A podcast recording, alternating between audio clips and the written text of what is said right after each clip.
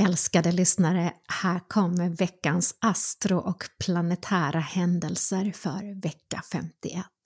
Och jag heter Tanja Dyredand och du behöver bara lyssna på min röst så guidar jag dig. Denna kommande vecka bjuder på flera härliga spännande planetära händelser och kraftportaler. Så passa på att njuta och börja skapa medvetet om vad du vill ha in i livet. Den 14 december så har vi en nymåne och en solförmörkelse i skyttens tecken. Solen står också i skytten just nu och temat här är överflöd. Skytten är ju zodiakens äventyrare, sökare, vagabond, nyfiken att uppleva nya saker och som kan bli lite lätt uttråkad om ingenting händer. Och skytten kan också sätta igång saker men har svårt att fullfölja dem och kan vara lite ombytlig. Vi har även den totala solförmörkelsen i skytten den 14, vilket alltid ger extra kraft. Och den här gången går vi djupet in i våra önskningar men också rädslor kring stillastående.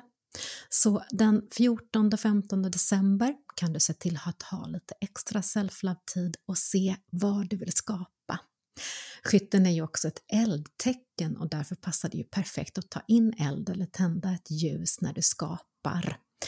Och jag tipsar ju även om en härlig ceremoni eh, som bonusmaterial, så lyssna gärna på den. Och solförmörkelsen är ju också perfekt tid för nystart, new beginnings och sätta igång framtida planer. Så skapa målmedvetet denna vecka, älskade du!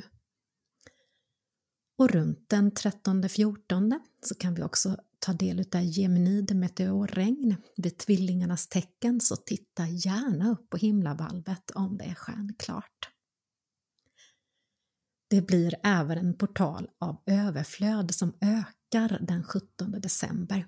Då har vi nämligen en extra spännande händelse där Saturnus lämnar stenbocken där den varit ungefär i två och ett halvt år för att gå in i Vattumannen.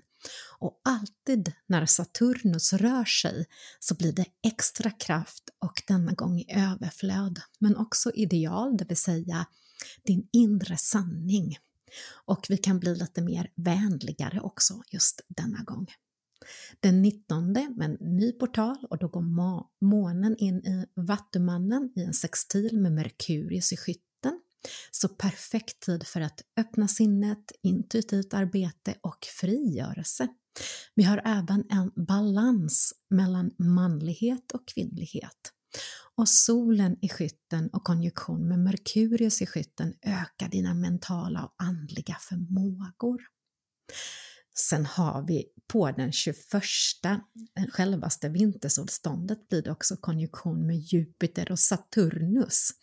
Alltså detta i astrotermer kallas för the great conjunction och sker cirka sådär 19 år och för att kunna se den lika nära som vi gör i år så måste vi nästan gå tillbaka till 1623, alltså år 1623. Och nästa gång vi kan se den här eh, stora konjunktionen är 2080. Så passa på och missa verkligen inte detta.